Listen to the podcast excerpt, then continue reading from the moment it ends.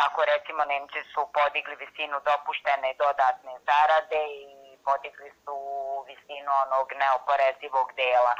Tako da će se oni snaći, a gubitnici u svemu ovoma će pre svega biti naši građani.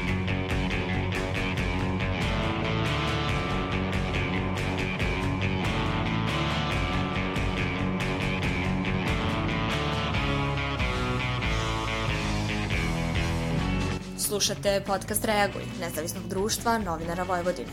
Moje ime je Iva Gajića, sa mnom su Aleksandra Bučko i Sanja Đorđević. Na podcastu rade i Irena Čučković i Nemanja Stevanović. U ovoj epizodi govorit ćemo o sezonskim poslovima u inostranstvu, kao i o izazovima i opasnostima sa kojima se radnici susreću prilikom pronalaženja i obavljanja ovih poslova u svetu pogođenim pandemijom.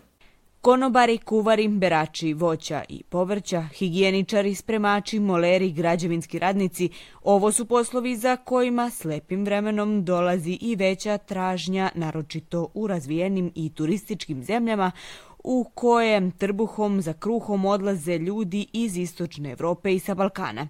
Međutim, zatvaranje granica, neizvesnost, smanjeno privređivanje, naročito u ugostiteljstvu, smanjilo je i potrebu za jeftinom radnom snagom iz drugih zemalja. Čak 10% bruto društvenog proizvoda Srbije čine doznake naših radnika iz inostranstva, a jedna od tih radnica je i Andreja Novak, koja poslednje dve godine, tačnije sedam meseci godišnje, provodi u Hrvatskoj na Primorju, radeći u hotelu na recepciji. Ove godine je takođe planirala da ode tamo, ali su joj se pokvarili planovi zbog pandemije virusa korone. Ona kaže kako je ipak posle svega trebala da otputuje tamo 1. jula, ali to se ne dešava zbog novog povećanja broja obolelih. Zapravo mi smo imali dogovor pre same korone da bih trebala da idem već treću godinu u Primorje, u Dalmaciju, zapravo u Hrvatsku. Sve smo se dogovorili, međutim došla je korona, tako da smo morali sve obustaviti jer prosto nije niko znao šta će se kasnije dešavati. Kako se sada umeđu vremenu posle svih onih izolacija i ostaloga sve palo primirilo, mi smo opet uspostavili kontakt i trebala sam da odem, međutim raspitali smo se, dobili smo odgovor od Republike Hrvatske kako bez obzira na test negativan na koronu, ja svakako moram biti u izolaciji 14 dana kada bih otišla tamo, što ne odgovara naravno ni meni ni njima. Tako da ove godine odustajem i, i ostajem u državi Srbiji.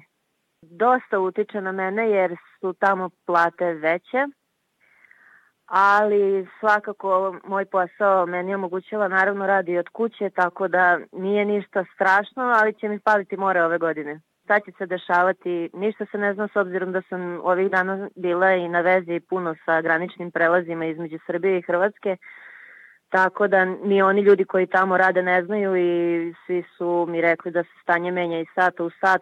37-godišnji Staniša Mladenović je početkom juna, nakon neizvesnih nekoliko meseci, ipak otišao u gradić Kordova na Aljasci. Ovo mu je druga godina kako odlazi na sezonski rad u Sjedinjene države. Neizvestnost odlaska je bila samo u vezi sa samim organizovanjem puta do Aljaske i Srbije – dok je uredno dobio radnu dozvolu i vizu u američkoj ambasadi. Nakon dvonedeljnog karantina počeo je sa radom u jednoj od fabrika za preradu i pripremu ribe u ovom gradiću. Za podcast Reaguj u pauzi rada kratko je opisao svoje iskustvo sezonskog radnika. Što se tiče rada i zarada na Aljasci, u principu može se zaraditi. Zarada zavisi od nekoliko faktora, od mesta u kome se nalazite, od dužine trajanja sezone, od samog ulova ribe.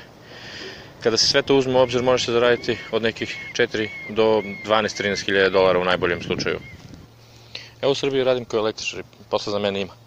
Međutim, koliko god mesečno da zaradim, sve se svodi na plaćanje osnovnih troškova i prosto preživljavanje iz meseca u mesec.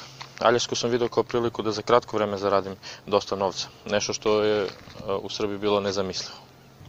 Nije u pitanju samo egzistencija, nego i mogućnost da se nešto uštedi nema mnogo mogućnosti da se novac potroši ovde, a smešta i hrana su plaćeni. Čak 400.000 naših državljana koji su uglavnom obavljali privremene poslove u inostranstvu putilo se prema granici svoje zemlje početkom krize u martu. Potreba za njihovim radom nestala je preko noći. Naša koleginica Irena se više bavila statistikom. Irena, šta kažu brojke? Sa početkom svake turističke i poljoprivredne sezone u okolne, ali i neke udaljene države Evrope odlaze sezonski radnici iz Srbije. Oni koji rade u uslužnom sektoru najčešće se opredeljuju za Hrvatsku ili Crnu Goru. Kada je reč o daljim evropskim zemljama, veliki broj sezonskih radnika iz Srbije odlazi u Nemačku. Najveće tražnje za sezonskim radnicima sa nižom stručnom spremom. Tražnja za tim profilima postoji i u Srbiji, međutim zbog većih primanja veliki broj radnika odlučuje se za sezonski rad u inostranstvu. Pandemija koronavirusa i povratak radnika iz inostranstva u Srbiju uticao je na porast nezaposlenosti u zemlji. Prema istraživanju nezavisne organizacije Sekons, koja sprovodi istraživanja društvenih trendova i javnih politika, u Srbiji je bez posla tokom vanrednog stanja ostalo 200.000 ljudi. Prema proceni Međunarodnog monetarnog fonda, nezaposlenost u Srbiji ove godine skočit će sa 10,3 na 13,4 odsto. Tek je za 2021. godinu predviđeno neznatno smanjenje ove stope na 13 procenata. Treba naglasiti i da oporavak srpske privrede zavisi od toga kako će se ekonomski oporavljati zemlje Evropske unije. Istovremeno, prema pisanju portala Euraktiv, nemačka poljoprivreda upravo ovih dana suočava se zbog mera uvedenih u borbi protiv pandemije sa ozbiljnim manjkom sezonskih radnika. Poljoprivrednici u Nemačkoj godišnje angažuju oko 300.000 sezonaca, uglavnom u vreme setve i žetve različitih kultura. Više od 90% tih radnika dolaze iz inostranstva, uglavnom iz zemalja istočne i jugoistočne Evrope, među kojima je i Srbija. Voće i povrće u Nemačkoj i ostalim razvijenim zemljama, međutim, nije ostalo neobrano.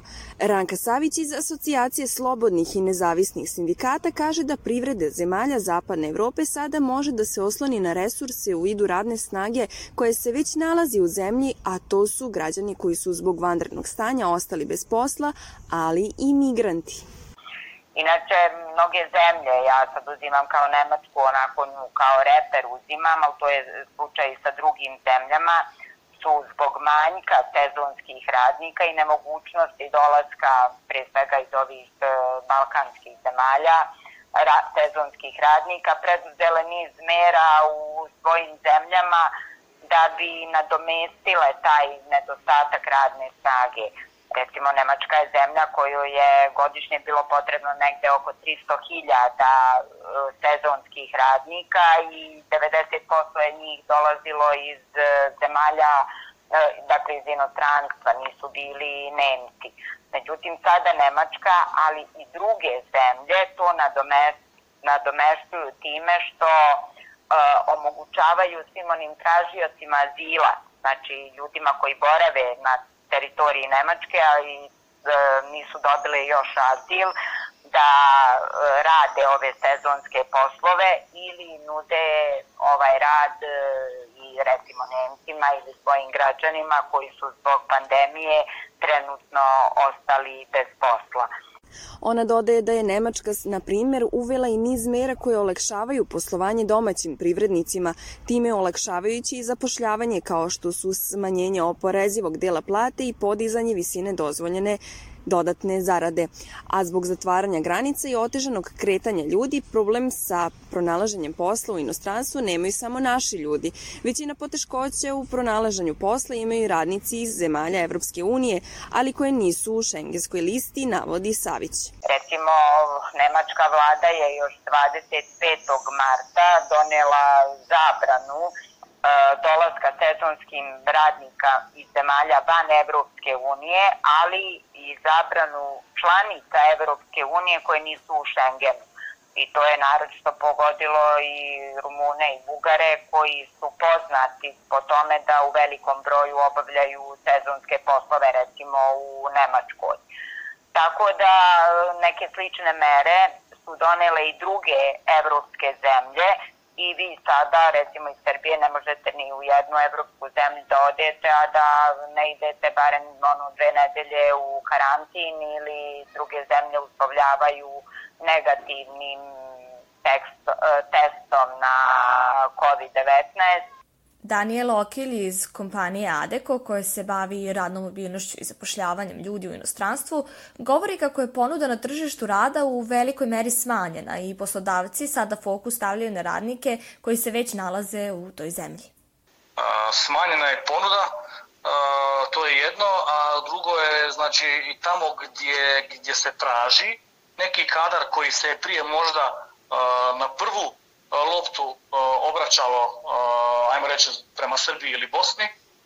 Sada poslodavci već razmišljaju o tome da zbog povećanog broja besposlenih u zadnja 3-4 mjeseca, da će naći kadar ovde i ne obraćaju se toliko po kadaru u Srbiji, odnosno Bosnu ili bilo neku drugu državu.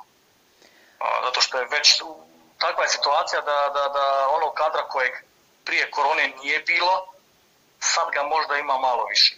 Ne važi to za sva zanimanja, neka zanimanja su i dalje deficitarna a, i tu se poslodavci isto tako a, odlučuju za uvoz radne snage.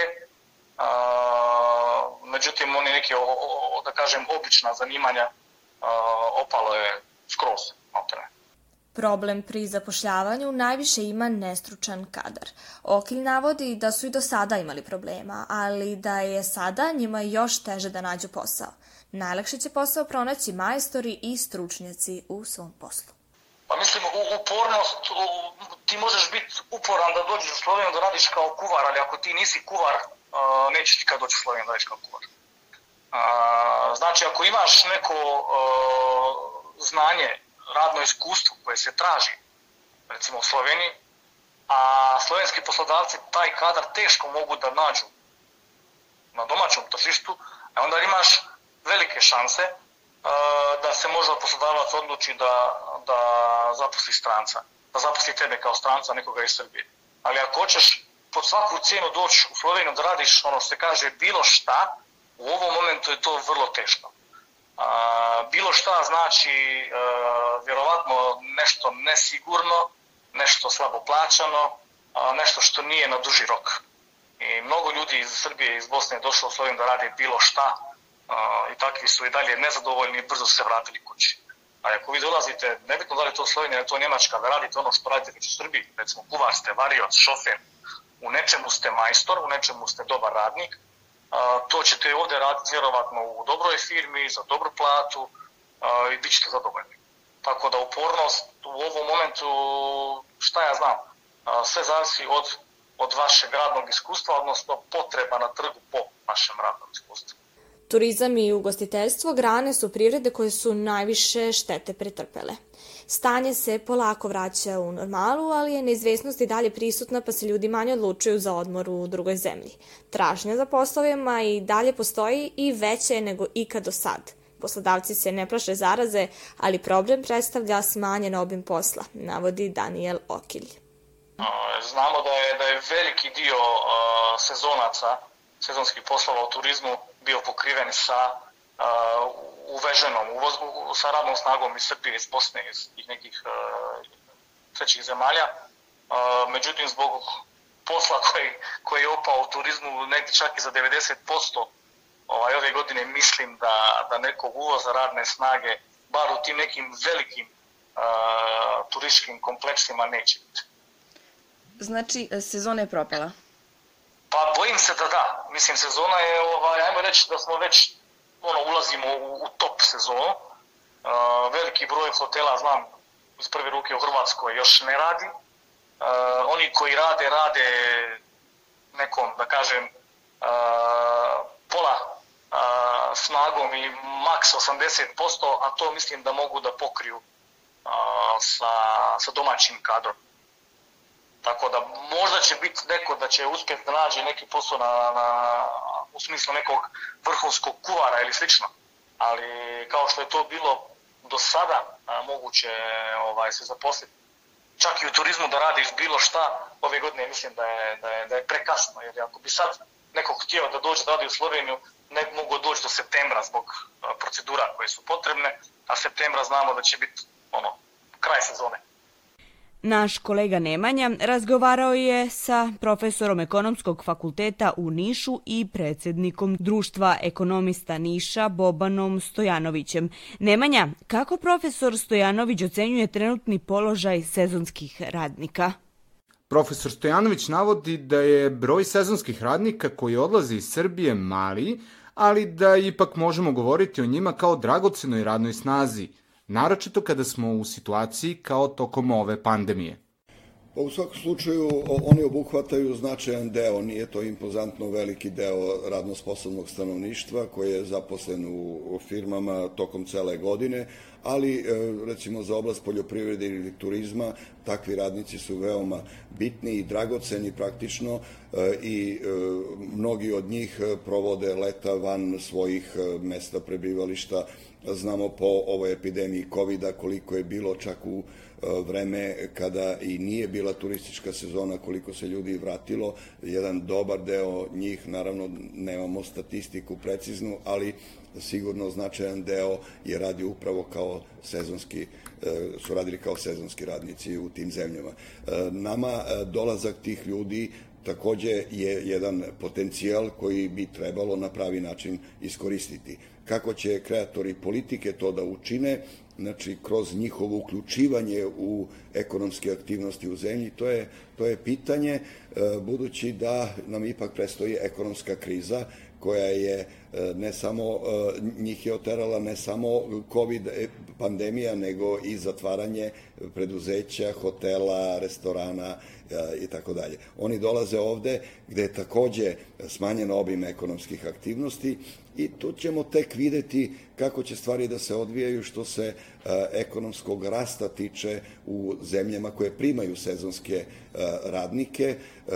Dobar deo onih koji, ljudi koji su radili recimo u Crnoj Gori još uvek ne rade kao sezonski radnici ili Grčkoj ili Kipar ili Malta, tako da je zaista neizvesno jer još uvek ne možemo da sagledamo ni kraj epidemije i da, da sumiramo praktično gubitke između ostalog i sezonske radne snage. Kako i sam navodi, sezonski radnici jesu značajni, ali redko ko se bavio njihovim učešćem u bruto domaćem proizvodu. Pa nema preciznih podataka oko toga, ali i na kraju ti podaci su veoma različiti od zemlje do zemlje. E, ja sam pomenuo, znači u letnjim mesecima je sigurno priliv e, radnika iz inostranstva zbog nedostatka domicilne radne snage značajan e, i one zemlje koje primaju takve sezonske radnike naravno imaju i dobre efekte, jer bez njih naravno ne bi ni moglo da dođe do, do pružanja usluga u tom obimu. Sve se menja sada sa e, covidom e, i e, pitanje je znači i dalje naročito za zemlje koje su bazirane na turističkim uslugama, ne, mnoge od njih kao što je Hrvatska recimo ili Grčka imaju po 20% učešća turizma u GDP-u. Prema tome, dobar deo tih aktivnosti je baziran na, na uvozu praktično radne snage, odnosno na sezonskim radnicima. Prema tome, tu smanjenje može po, ovako grubo rečeno da bude 5% čak. Ipak navodi da će čitava ova situacija i tekako uticati na sezonske radnike iz Srbije. Međutim, Stojanović navodi da tu postoji mogućnost da se radi na lokalnoj i nacionalnoj ekonomiji sa svim tim ljudima koji su sada sprečeni da se vrate u zemlje u kojima rade. Pa uticaće, budući da, da je dobar deo njih uh, lišen te mogućnosti da da se vrati u zemlje iz kojih su i došli u matičnu našu zemlju, eh, onda će deo njih sigurno da traži eh, eh, neki angažman u Srbiji. I to je skrivena jedna mogućnost da i nama bude bolje od takvog razvoja događaja, ali kažem treba da, da se vidi koliko ćemo i sami mi, koliko Srbija će pretrpeti štete, odnosno ipak će doći do pada ekonomskih aktivnosti na jesen i očekuje se ne samo u Srbiji nego i u svim zemljama tek oporavak neki 21. godine. O, ova godina e, će za mnoge od tih sezonskih radnika koji su se vratili zbog pandemije da e, znači donošenje odluke da li i dalje nastaviti e, ili se vratiti u inostranstvo ili nastaviti ovde sa nekom ili svojom svojim biznisom ili se zaposliti.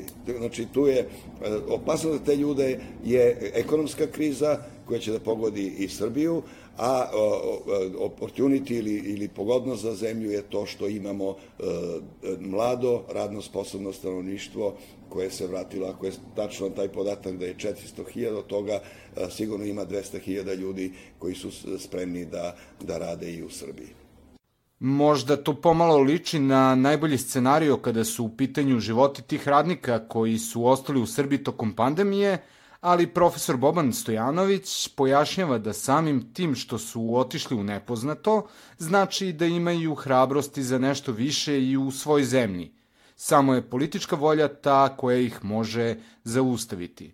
Pa to znači da e, mnogi od njih su preduzimljivi. To su uh, hrabri ljudi koji su otišli znači iz zemlje u potrazi za radnim angažmanom. Prema tome, oni su najvratnije, najveći deo njih je spreman da, da ili osnuje sobstveni biznis ili da, da radi u, u ovoj zemlji. Kažem, to je samo mogućnost skrivena. Koliko će se ostvariti od toga, zavisit će i od mera stimulacije tih lokalnih samouprava, jer bi cilj trebalo da bude svih tih donosioca odluke na lokalnom nivou, da se ti ljudi e, na, na neki način angažuju, jer će to indirektno naravno da donese i boljitak za lokalnu zajednicu. Naš sagovornik još jednom podloči da je volja onih koji odlučuju presudna, ali ne i jedina. Da, s jedne strane od toga, a s druge strane od razvoja ekonomskih situacija, odnosno od dubine krize. E, mislim da, da se pandemija završila, mogli bi nešto da, da pravimo neke projekcije. Budući da, evo, govori se i o drugom talasu i o neizvesnosti što se jeseni i zime tiče, zaista je nezahvalno to e, davati neke, neke prognoze, ali ono što je sasvim sigurno da mora da se razvije jedan paket mera stimulacije tih ljudi da ostanu u zemlji i da privređuju i da doprinose boljitku lokalne zajednice, a time i celine Srbije. Ranka Savić iz Asocijacije slobodnih i nezavisnih sindikata ne vidi svetlu budućnost pred nama. Njena je prognoza da će korisnika socijalnih fondova biti previše. Biće isto ono što će biti sa svom onom armijom koja ostaje bez posla. Dakle, pogoršanje socijalne situacije, pritisci na e, socijalne fondove, ali u ostalom imamo našeg e, predsednika i našu vladu koji su jasno rekli da ćemo mi super proći u ovoj krizi. Međutim, mi već danas imamo situaciju da nam po 200 radnika dnevno ostaje bez posla. Znate, samo evo juče je aerodrom Beograd i Air Srbija je otpustila preko 300 ljudi i u najavi je da nikom ugovori koji su na određeno neće biti produženi. Prema tome, mm, ja u septembru sa prestankom dejstva ove, ovo, ovih e, mera vlade od tri minimalne zarade očekujem pandemiju otkaza u Srbiji i ogromno, ogromno pogoršanje socijalne slike i socijalne situacije građana Srbije. U takvoj atmosferi gde je tražnja za poslom veća nego tražnja za radnikom u privredi koja je izdefinisala kriza, stvara se plodno tle za zloupotrebe. Ukoliko osoba i uspe da nađe posao i pređe preko granice, ukoliko ne poznaje svoje prava i pristane na rad na crno oslanjajući se na ljude koje ne poznaje u zemlji čiji jezik ne govori, ona postaje laka meta za malverzacije. Savić navodi samo neke. Pa bilo je niz niz kršenja, pogotovo kod ovih e, sezonskih radnika. To je jedan od glavnih problema je bio ne potpisivanje u Srbiji ugovora o radu, nego onako usmeni dogovor, pa im ispričaju šta će tamo sve biti i kakva će prava imati, a onda kada odu u zemlju rada, e, ispostavi se da ništa od toga nije tačno. Bilo je niz slučajeva da ljudi zaključe i ugovor, čak ispoštuju to pa odu u zemlju rada i da im se ne plati da im se ne plati jednostavno ono za, za šta imaju i ugovor. Dakle, bilo je niz, niz kršenja rada i naš je savet bio da, iako se ide u inostranstvo, da se ide samo preko proverenih agencija za posredovanje, da svako ko želi da ide na rad u inostranstvo traži uvid u to da li agencija ima licencu, da li radi legalno i da li u krajnjoj liniji ima i neki depozit koji predstavlja sigurnost svima onima koji idu na rad u zemlju van zemlje Evropske unije ili neku drugu zemlju. Nevladina organizacija Astra bavi se svim vidovima eksploatacije ljudima. Njihova menadžerka za komunikacije, Hristina Piskulidis, objašnjava da se pod radnom eksploatacijom podrazumeva svaki rad ili usluga za koje se osoba nije dobrovoljno prijavila. Vrši se pod prednjom neke kazne i u pitanju je fizičko kažnjavanje ili različite vrste ucena. Pa s obzirom na to da je leto i zapravo počinje se, to je period sezonskih poslova, mi u tom periodu uvijek imamo povećan broj poziva i oni se odnose na proveru oglasa za različite vrste poslova.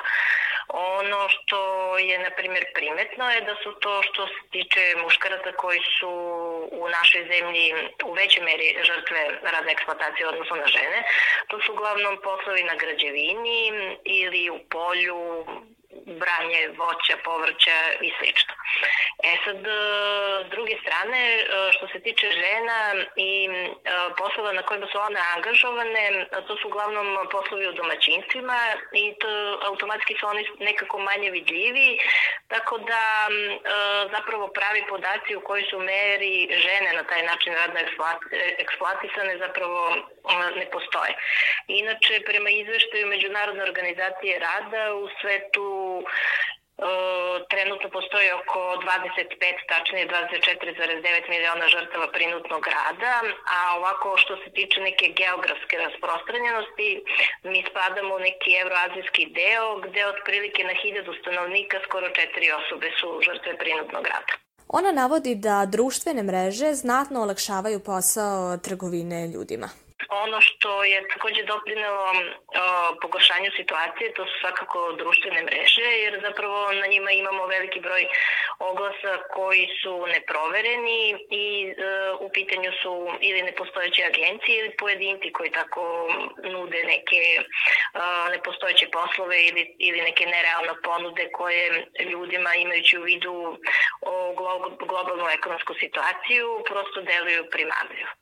E sad, s obzirom na to da se mi bavimo i sanacijom posledica, odnosno da radimo i sa žrtvama radne eksploatacije, a, i, a da se bavimo i prevencijom, vrlo često nas e, ljudi zovu radi provere tih e, e, oglasa na koje bi se javili, a koji im u nekom segmentu deluju sumnjivo.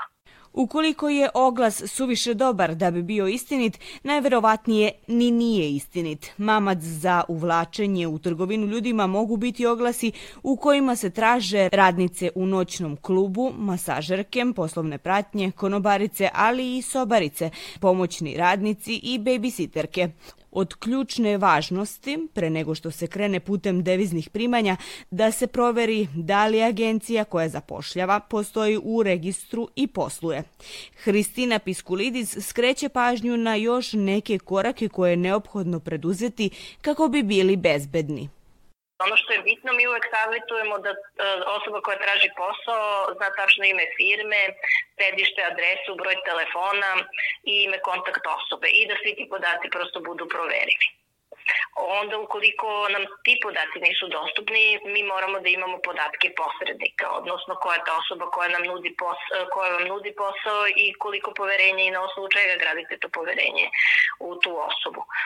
Vrlo je bitno ukoliko odlazite u inostranstvo i da imate ugovor napismeno. Dešava se, na primjer, da stižu neki ugovori nekim, nekim od naših klijenata, ali da nakon pravne provere mi prosto vidimo ili da su u pitanju, ukoliko je dvojezičan ugovor, ili da, u, da prosto obe verzije nisu identične, ili se desi da u samom ugovoru postoje stavke koje eventualno otvaraju prostor za izvesnu radnu eksploataciju.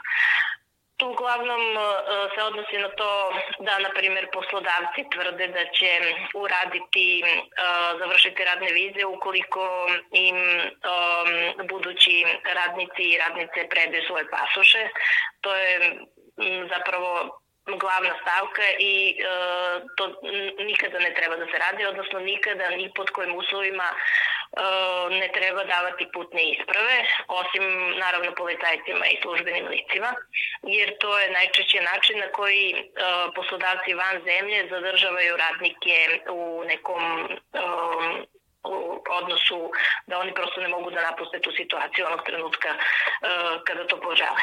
E, bitno je takođe to sad e, može i osoba koja traži posao, a možemo i mi u njeno ime proveriti kontakte ambasada i e, napraviti kontakt sa našom ambasadom tamo i eventu, ili eventualno ukoliko posto, postoji konzulat Srbije u zemlji destinacije, znači e, imati e, te kontakte, a ono što mi možemo takođe da doprinesemo je e, da e, povežemo osobu koja odlazi u određenu zemlju sa sindikatima i nevladinim organizacijama koje se takođe bave prevencijom radne eksploatacije, ali u toj zemlji, pošto smo članice nekoliko mreža međunarodnih.